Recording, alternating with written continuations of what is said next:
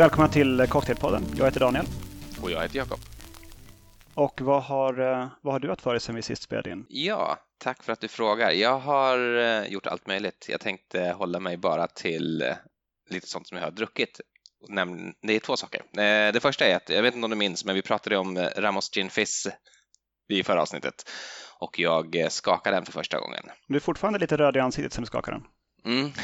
Det, då kan jag säga så här, det är inte efter den, utan jag har skakat många Ramos Gin Fizz sen dess, för eh, Även Linda har varit eh, förtjust i den och sen har vi haft gäster som har blivit förtjusta i den. Så jag har, jag har skakat loss ganska hårt. Jag tror att jag har gått upp äh, kanske en två, tre kilo sen vi spelade in senast och då är det inte fett alltså, utan det är muskler i, i mina armar. Det, det, kan, det, kan, det kan vara både och. Fantastisk drink och eh, fantastiskt kul att få upptäcka den på det här sättet då. Även om jag har känt till den i ord och bild tidigare så har jag ju aldrig druckit den förrän eh, föregående avsnitt. Och eh, nu gör jag knappt annat, känns det som, än att dricka Ramos Gin Fizz.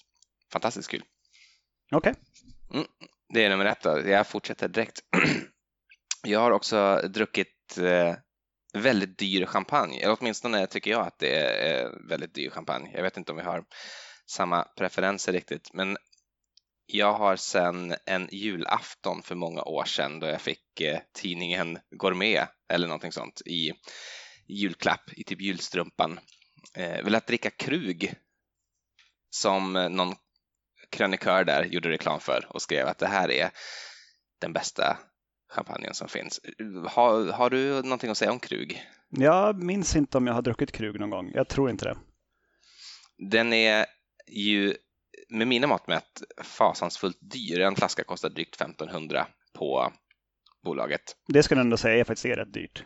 Jag skulle säga att det är rätt dyrt också. Det, det är över min normala prisklass i alla fall.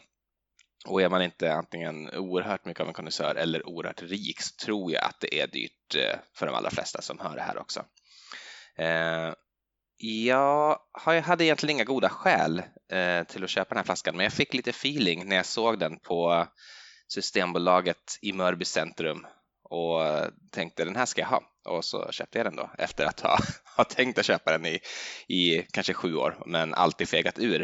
Eh, och så drack vi den jag och Linda för typ en vecka sedan. Du delar i alla fall med dig, det tycker jag var ganska fint gjort. Ja, det var fint. Jag köpte den för gemensamma kassa, kanske jag ska säga, så, utan att fråga också, så att det hade varit nästan lite sniket att dricka upp den själv. Men jag har några slutsatser av det här. Nummer ett, jag, jag förberedde mig ganska mycket inför den här eh, dryck, eh, dryckessessionen då.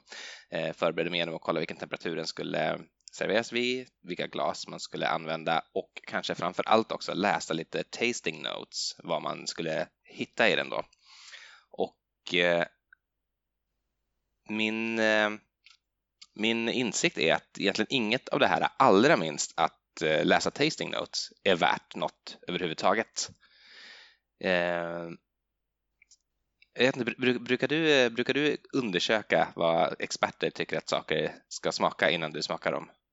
Nej, det brukar jag inte söka ut. Men jag, jag lyssnar ju när någon pratar om det och liksom på andra podcast och sånt. Så det är ju, eh, jag är mottaglig för informationen, men jag gör inte någon specifik forskning för Uh, kunna, om det är en ny rom så läser jag gärna på flaskan vad det står att man ska kunna känna. Ja, det brukar vara ungefär samma sak alltid. Så att... Ja, det är väl det. Och det är väl liknande kanske i andra ädeldrycker också. Men jag ska berätta varför då, i alla fall då enligt mig. Man kan liksom inte förstå, man kan inte förstå bra dryck genom de smakpreferenserna. Jag det är som att försöka lösa ett matematiskt tal. Att sitta och själv och sniffa efter pomerans och sniffa efter gul halm och sniffa efter vinteräpplen. Det, är, det är som att försöka förstå poesi eh, genom att liksom, titta på bokstäverna en och en på något sätt. Det, det säger ändå ingenting om upplevelsen av att dricka drycken dricka en champagne som kostar 1500 spänn. Nej, det, det, jag tycker inte det gör någonting. Det var, det var ofattbar, njutbar liten förmiddag vi hade när vi satt och drack det här, men jag kan inte egentligen... Tror du att prislappen påverkar det? Ja, det tror jag. Det tror jag definitivt att den gör. Eh, men det kan den väl få göra? Absolut. Ja, nej, det, det, finns ju många som har gjort världens dyraste cocktail och sånt. Eh, tusentals och tiotusentals kronor för ett glas. Eh, där det, liksom är, det finns bara en spritflaska kvar av den spriten i hela världen. Och så gör man en cocktail av den. Eh, sådana saker. På just American Bar i Savoy så har de väl någon sorts vintage-förråd. Där jag tror man kan eh, dricka cocktails från 1800-talet då, eller cocktailsen är ju naturligtvis från samma stund man beställer dem, men spriten är från 1800-talet och så kostar de typ 1500 och uppåt eller något sånt där.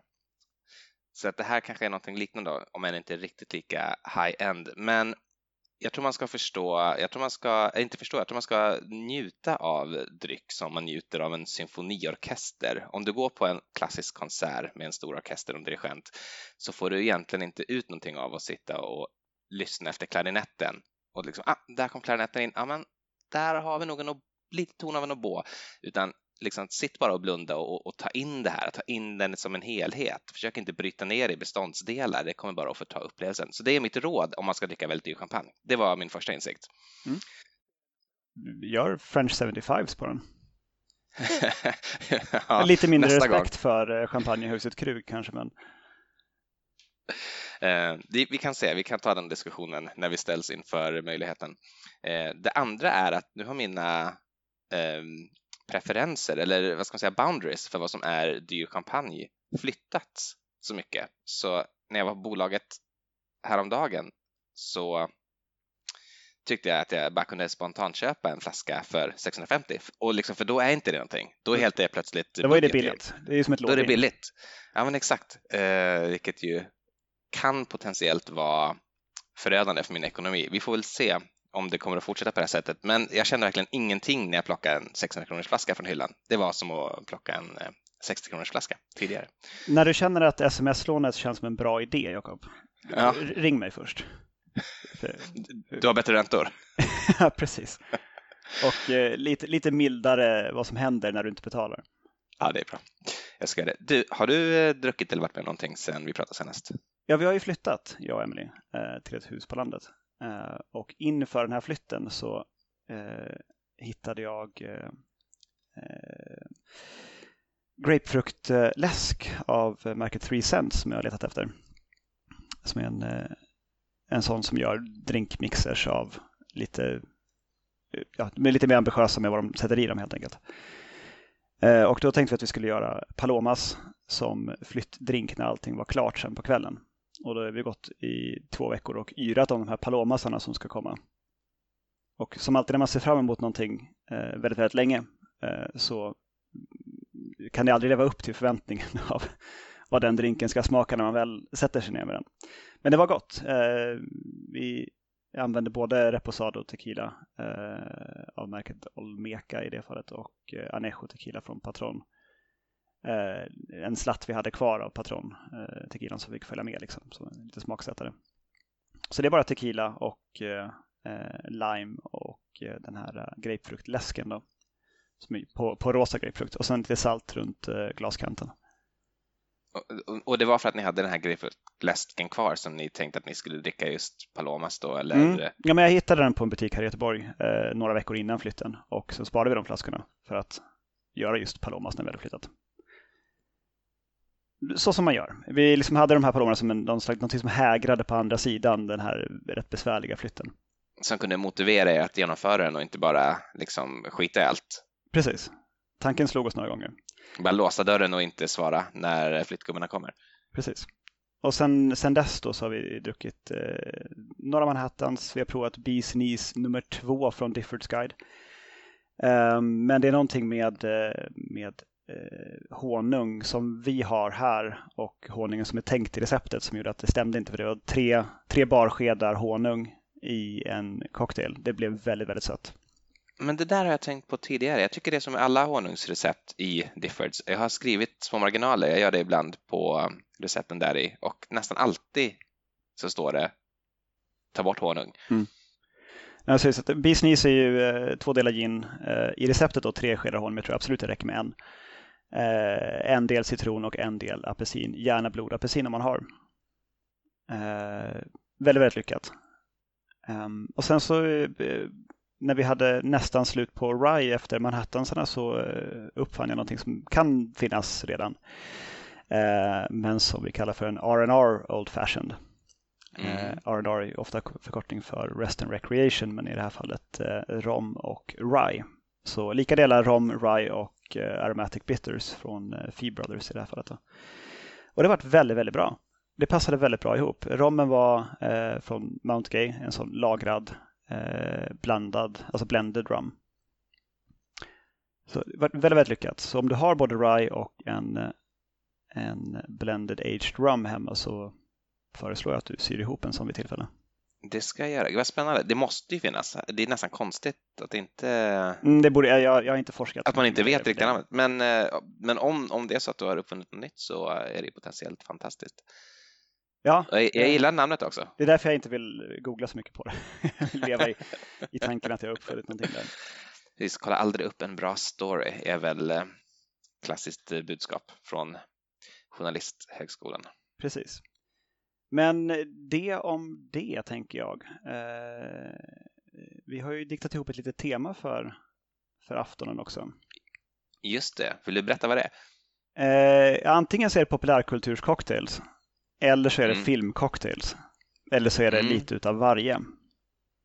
Det är väl lite utav varje tror jag att det kommer att bli. Vi får väl se hur mycket vi får ihop. Jag kan säga direkt att eh, när vi pratade om att ha det här temat så tyckte jag att det lät superkul och eh, började...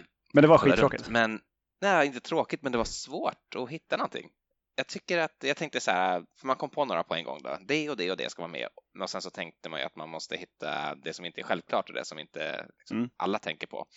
Men eh, svårare än jag trodde att hitta sådana liksom verkligen klassiska... Jag ser kombinationen en bra cocktail och en film man kommer ihåg är sällsynt.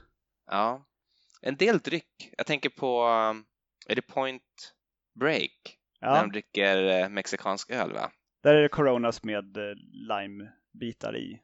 Och den filmen kom väl ut 93, 94 någon gång. Eh, och jag såg den vansinnigt många gånger när jag var, när jag var ung.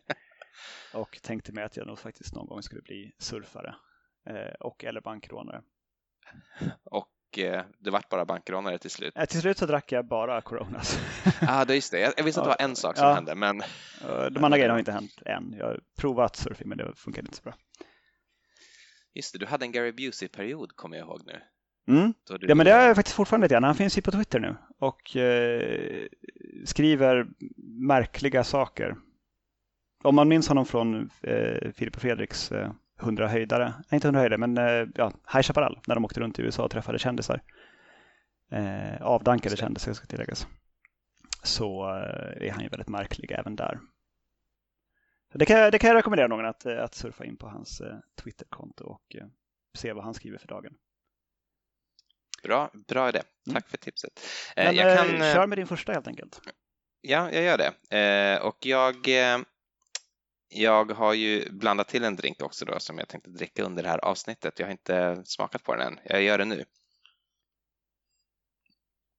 Och ja, den är inte dum. Den är inte dum. Och det är en, eh, det är en klassiker och någonting man kommer kunna prata en del om. Det är nämligen en eh, shaken, not stirred. En, eh, en, en dry martini som då inte är rörd utan skakad enligt då den kända brittiska agenten James Bonds ganska ovanliga instruktioner. Nej, men det är väl därför han måste säga så noga varenda gång också. Ja, för att... han kan nog räkna med om man, om man bara liksom går upp och säger en dry ass så får han den ju röd. Mm. Jo, det, men det är ju rimligt. Det är ju, det är ju inga fruktjuicer med och det är klar sprit. Det är det, men jag, eh, jag tror jag faktiskt eh, sällar mig till Bonds eh, lilla skara där av eh, av martinidrickare. För ta mig tusan om inte det här är den bästa martini jag har druckit. Ehm, jag vet, jag kan ju berätta då, det finns ju så många, många, många recept som man kan eh, göra en draja på. Det här är fem delar eh, Blooms gin, en del eh, ljus eh, torr martini, några droppar angostura bitter och sen eh, citronzest som är Eh, på toppen då efter jag har skakat den och som sagt skakad i rikligt med is så jag antar att den är lite utspädd av isen också. Den var ganska grumlig och ful när jag hällde upp den men nu när den har fått stå till sig så är den klar och vacker. Jag tog eh, en bild precis när jag var nyhälld så jag tänkte att eh, den kan jag lägga ut på Instagram sen så kan folk få se hur den ser ut om de är intresserade. Mm. Men då kanske vi efter ditt announcement här kanske vi till slut kan få lite näthat på oss. Ja, just det. Um, från de som verkligen tycker att det, det, ska, det ska inte skakas helt enkelt. Nej, precis. Skriv gärna i kommentatorsfältet att, eh, att vi måste dö för denna överträdelse. Precis, och då kanske vi kan nämna det redan här då, att eh, på Twitter finns vi som Cocktailpodden. Eh, samma sak på Facebook har vi en sida som heter Cocktailpodden. Och Instagram misstänker jag att vi också heter just Cocktailpodden på. Det stämmer, vi heter Cocktailpodden även på Instagram. Så då är det bara att, att ösa rättmätigt hat över Jakob och hans preferenser. Men kommer du nu alltså då, på, kan man beställa på allvar, just med tanke på det uttryckets populärkulturella historia, kan man sätta sig ner och bara säga du jag skulle nog faktiskt vilja ha min martini skakad? Jag In, inte, inte rörd. Om man, om man struntar i att lägga till inte rörd så, så, kanske liksom, för det, jag menar, om man har de två alternativen liksom. Eh, lätt vält åt vänster och höger är ju inte ett gångbart alternativ. Nej, eller rör jättehårt då kanske. Men eh, nej, jag tror inte man kan göra det och det tror jag då kommer att få konsekvensen att jag nu aldrig kommer att kunna beställa den här drinken på lokal eftersom jag ju alltid kommer att tänka att jag vill ha den skakad men aldrig kommer att kunna be om den skakad. Ja, det är väl om, om man har möjlighet och, och om det är en intresserad bartender så kan man ju förklara det här testet som du har gjort. Och man, så kan ju bartendern också själv smaka och avgöra. Är ju att alltid beställa två då och säga varje gång att vi är några grabbar här som skulle testa eh, vad som egentligen är bäst, skakad eller röd. Och så kan vi beställa två och hälla bort den ena. Det är möjligt. Men det är också lite fånigt.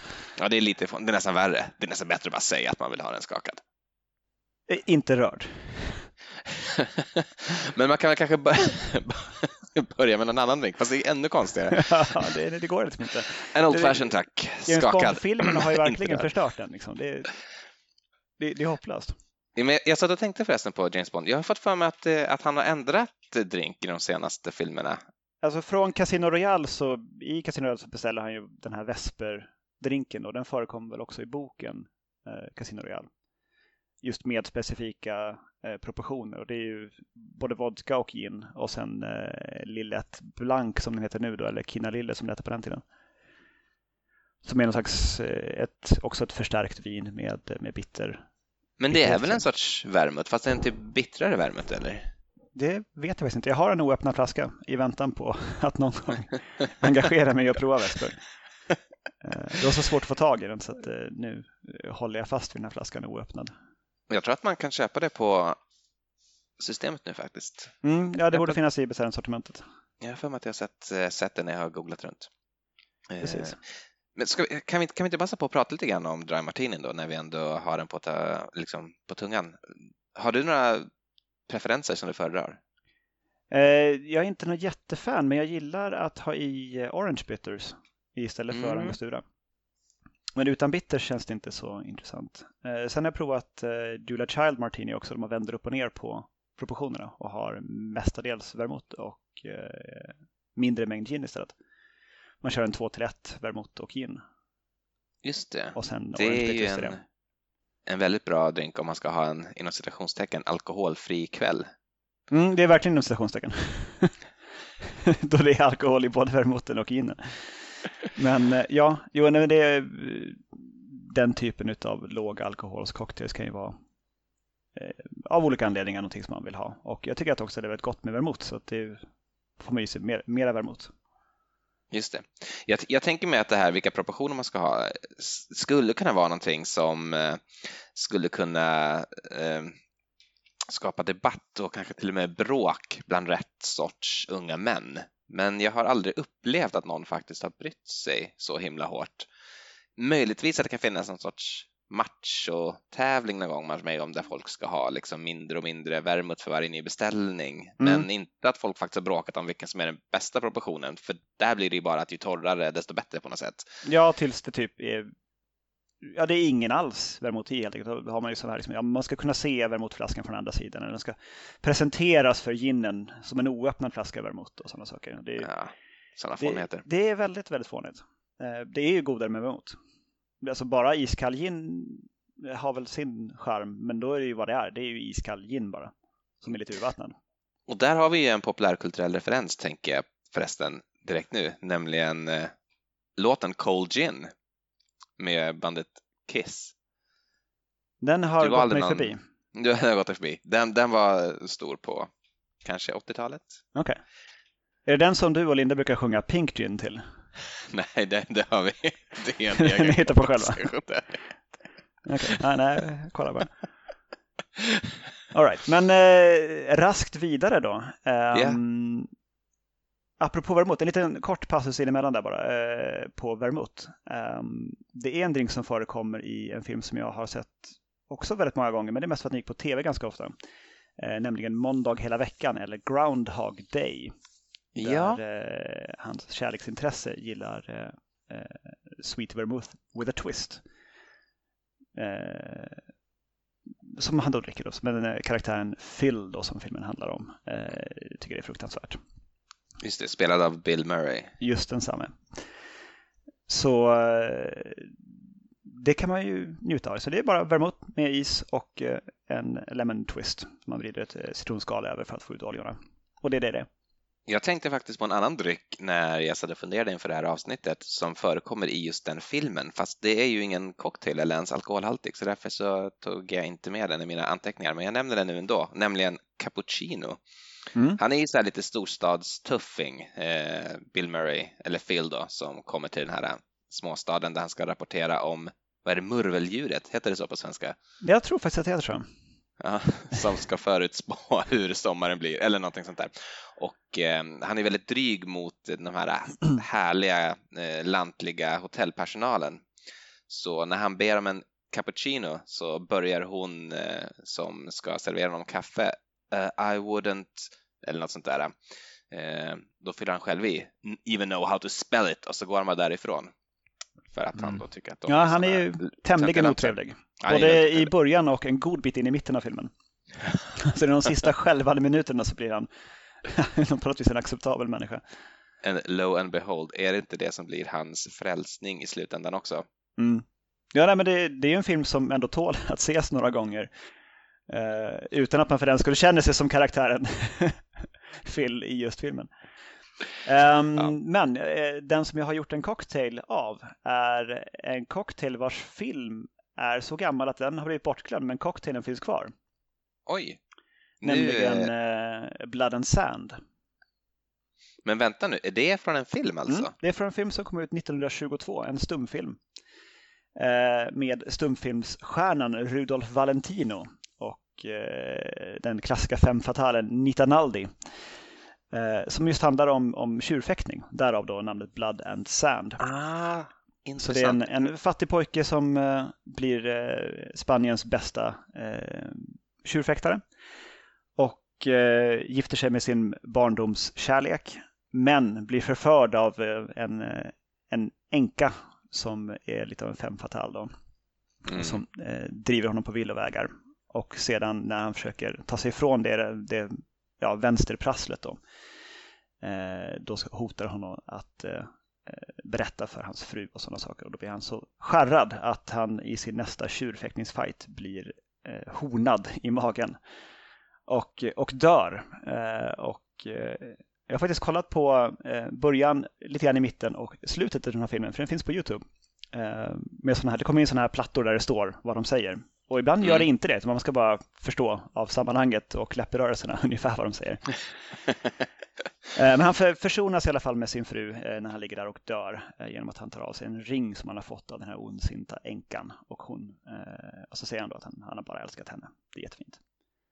Och de vackra slutorden kommer från en kar som ser, som har sett den här matadoren då föras in för, till sin död i ett rum bakom tjurfäktningsarenan. Och så säger han då Poor Matador. Och sen så ser han tjuren släpas ut från arenan och säger han också Poor Beast. Och sen så kommer slutklämmen. But out there is the real beast. A beast with 10,000 heads. Och så filmar de publiken inne i arenan. Fy fan vad bra. Ja, det är väldigt, väldigt vackert.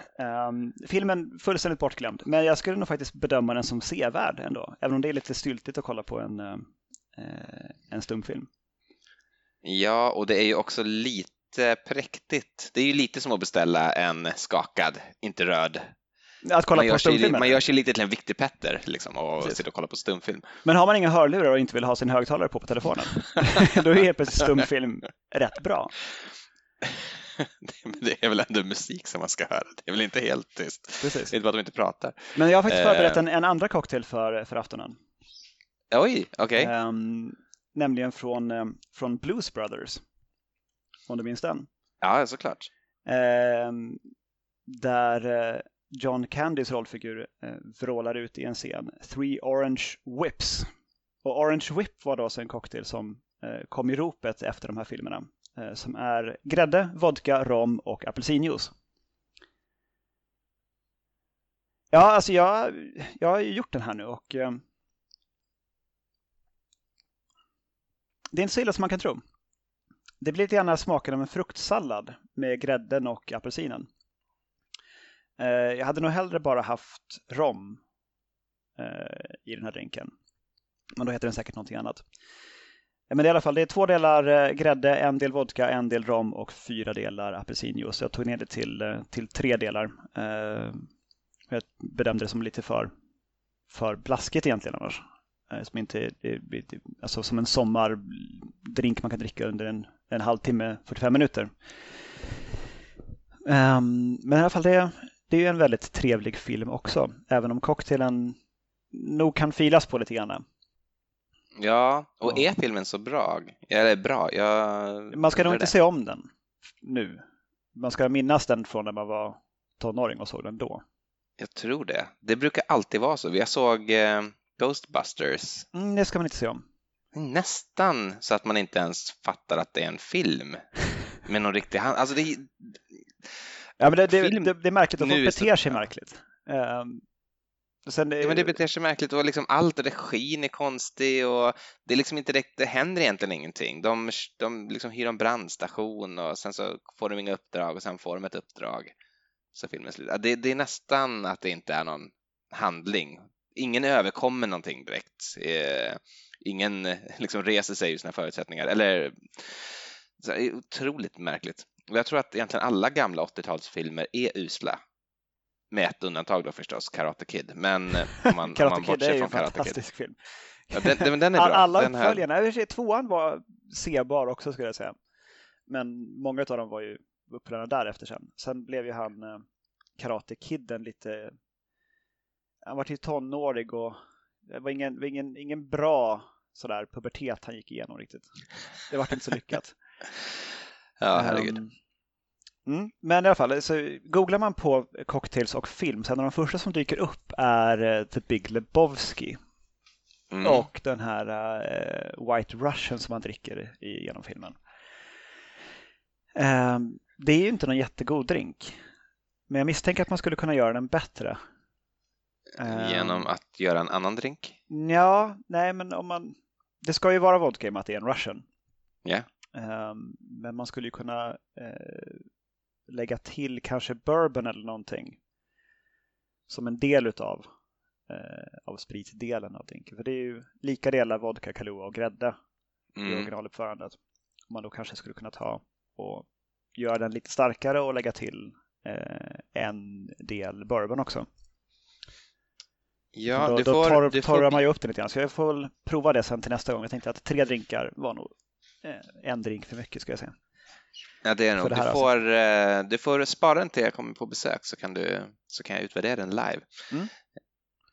Eh, Jag har ju tänkt på några andra, men jag har inte kunnat göra dem. Jag tänkte egentligen göra en, en Apple Teeny från början. Och inte den här skakade inte rör då. Det är från Scrubs då eller? Herregud att du tog det på en gång. jag tänkte det här kan, kan jag, su- karamellen kan jag suga på hela kvällen. Ja, nej, Du kommer aldrig komma på det. jag hade med det på min bubblalista också. All right. Hans Ja, det var rätt. Okej, men då kontrar jag med eh, Sällskapsresan 2, Snow Rollers. Ja, Och Ja, men det är ju House. Ja, precis. Man ska nog inte kalla det för en cocktail riktigt, men eh, det är ju då hembränt och lingondricka. Misstänker jag lika delar ungefär. mm, Eh, då inte koncentrerad lingondricka utan alltså någon slags utspädd lingondricka. just det. Jag tror att du kan ju eh, använda vodka och ändå kalla den White House. Det måste inte vara hembränt va? Eh, alltså, den enda officiella som uttalar sig om receptet är ju just i filmen. Och där är det hembränt. Jag har, jag har ingen god källa för hembränt faktiskt, men om någon av våra lyssnare eh, bränner hemma eh, och, eller känner någon som bränner hemma som skulle kanske vilja vara med på en intervju i ett eh, kommande avsnitt om hur man som hembrännare ser på eh, förpackningsmetodik och hur man liksom paketerar smaker och eh, vad man liksom vill uppnå med sin produktion. Eh, så vill jag jättegärna komma i kontakt med den personen.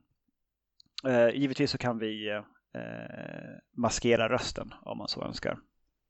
Så skulle vi kunna eh, ha ett litet samtal om det. Jag har precis pratat lite grann om hur man ser på spritproduktion i den lite mindre skalan. Det vore jättespännande att höra. Det hoppas jag verkligen att någon hör av sig. Mm. Sen har jag, eh, inte från film då, men från en tv-serie, eh, från Simpsons, eh, Homer Simpsons Lawnmower. Har jag heller inte haft möjlighet att prova. Eh, man ska då alltså ha wheatgrass mm. och vodka. Det låter, det låter ju som den värsta hittills. Mm, det kan nog vara den, den minst, minst trevliga av de här. Va, vad är det här vetegräs egentligen? Det var väl någonting som fanns, fanns i juicebarer för kanske tio år sedan eller något. Det växte sådana här, det såg ut som typ långa gräslöksstrån som stod på bänken inne på en juicebar. Som krasse typ. typ, tänker jag. Att det ja. ser ut som, alltså någon sorts förvuxen krasse. Mm, fast väldigt långa strån. Och sen så skulle man då klippa ner de här och eh, köra dem genom en juicemaskin. Och det skulle man då dricka som för att det var nyttigt. Jag vet inte om det fortfarande sker. Jag har inte sett det på jättelänge. Sen har jag i och för sig inte varit i en juicebar på just kanske tio år. Så att det, kanske fortfarande lever och frodas det här med vetegräs, vad vet jag. Vad du vet så är det bara vetegräs nu för tiden. Precis. Eh. Sen får vi inte förbise filmen Cocktail heller med Tom Nej. Cruise. Där de eh, slänger väldigt mycket flaskor i luften och eh, allmänt showar med sitt bartendrande. Men innan eh, Tom Cruises karaktär har lärt sig att bli den här fantastiska 80-tals bartendern då med Sex on the Beaches och Fuzzy Navels och allt sånt där. Så är det någon som kommer fram till baren och beställer en Cuba Libre. Och han frågar vad är det? Och så säger de en Cuba Libre. Ja, vad är det då liksom? Det är en rum and coke. Ja, men varför sa du inte det? Och det, ja, det är lite en del av sanningen där, så det, det är rom och cola. Men det finns även lite till. Man ska ha lime för att det ska vara en Cuba Libre. Och den ska helst vara muddlad, eh, det vill säga mosad ner i glaset med eh, en, en trästav eh, för att få ut oljorna ur skalet. Inte bara pressa limejuicen alltså. Nej, men vilken dålig invändning. Varför sa du inte det? Jag menar, det ska ja, man väl säga ja. om allting då? Jag vill ha en last word. Ja, varför sa du inte att du ville ha liksom lika delar av det här? ja, nej, det är sant. Men det, det är ju... Jag vet inte vad man ska säga om filmen Cocktail. Det, det är också en, en sån där 80-tals film. Den har ju för sig liksom en, en tydlig tråd och det är brusten vänskap och sånt. Liksom. Så det är lite grann som en, som en sportfilm där det går lite upp och ner liksom, och så blir han till, till slut han blir jätteframgångsrik och sen så går det så dåligt och sen så lite bättre.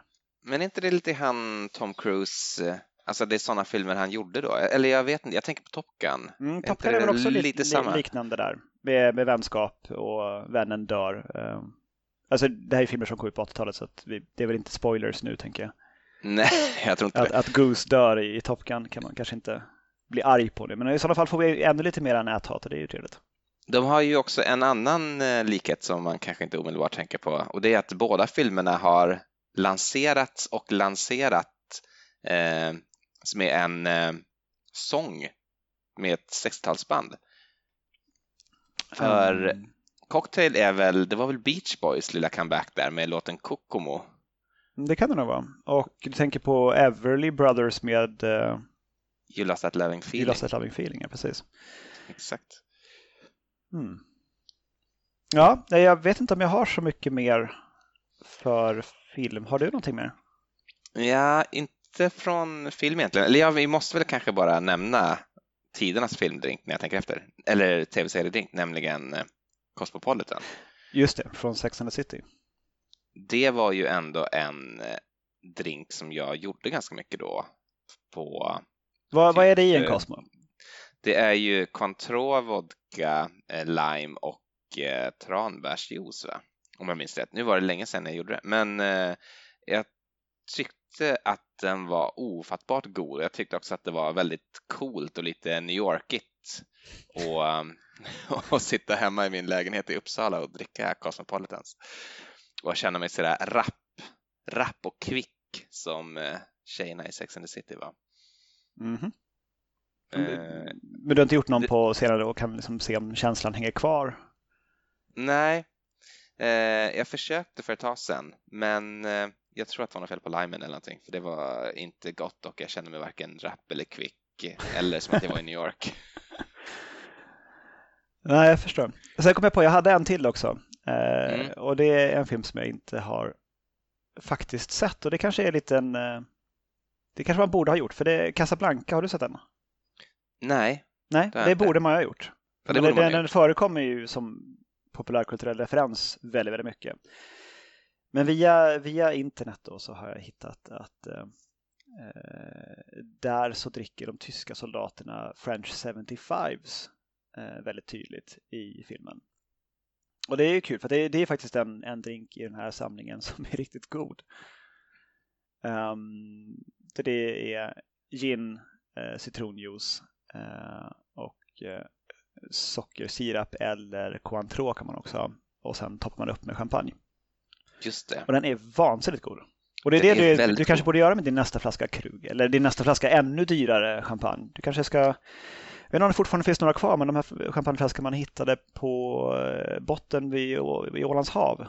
Eh, som var på väg över till, till Sankt Petersburg under tsartiden. Ja, jag ska kolla på beställningssortimentet. Jag tror inte att de finns i butik i alla fall. Nej, man får nog eh, man får nog lura lite grann på hur man får tag i en. Jag tror det. Men du kan väl belåna lägenheten lite mer?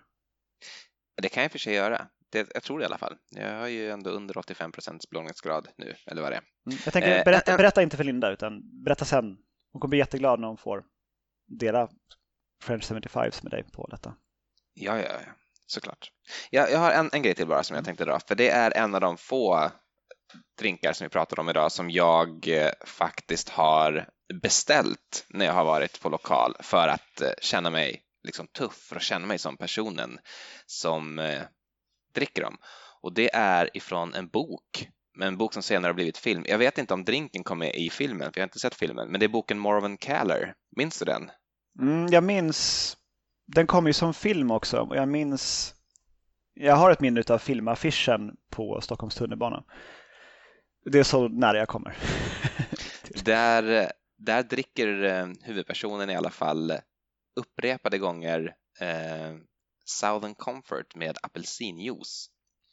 Och eh, när jag läste boken så visste jag inte vad Southern Comfort var och jag visste inte om huruvida det här var en riktig drink eh, som folk drack eller inte. Men jag tyckte att det kändes väldigt världsvant i alla fall. Så när du och jag var i New York jag vet inte om du minns eh, så mycket från den resan. Det här var väl 2005 kanske? Mm, tidigare än så till och med tror jag. Ja, tidigt i alla fall. Då, då försökte jag beställa det om och om igen på barer och försökte då också snegla på bartendern om han fick ett imponerat uttryck i, i ansiktet sådär. Eller lite äcklat. Här, här, har vi någon som vet vad det handlar om, som är, som, att han då skulle bli glad över att äntligen få liksom en vettig kund som, som kan göra en riktig beställning.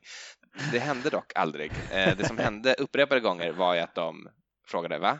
Och sen så sa jag det igen och sen så ursäkta och sen så fick jag prata tydligare och så why, we, why, why, why would you want to mix that? Liksom. Och sen så, fick, men it's, jag kommer inte ihåg du någonsin fick någon. För de, det jo, måste ha funnits Sunny Comfort och apelsinjuice på några av de ställen vi var på. Jo, då, ja, jag, jag fick det. Det var, det var rätt gott, så att jag ångrar inte på något sätt. Det kanske, är inte, Southern Comfort, nu var det så väldigt länge sedan, men det är väl någon sorts eh, whiskylikör, va? Mm. Visst är det det? Eller bourbonlikör? Det kanske vara. lite lik eh, just Blood and Sand när jag tänker efter, att det skulle kunna vara. Mm. Blood and Sand blir ju, blir ju lätt lite för söt eh, beroende på hur apelsinen är. Så att man får, mm. Ofta när man gör den får man vara lite beredd på att smaka på apelsinen och se liksom, är den inte syrlig nog så man slår i lite annan citrus, citron eller lime.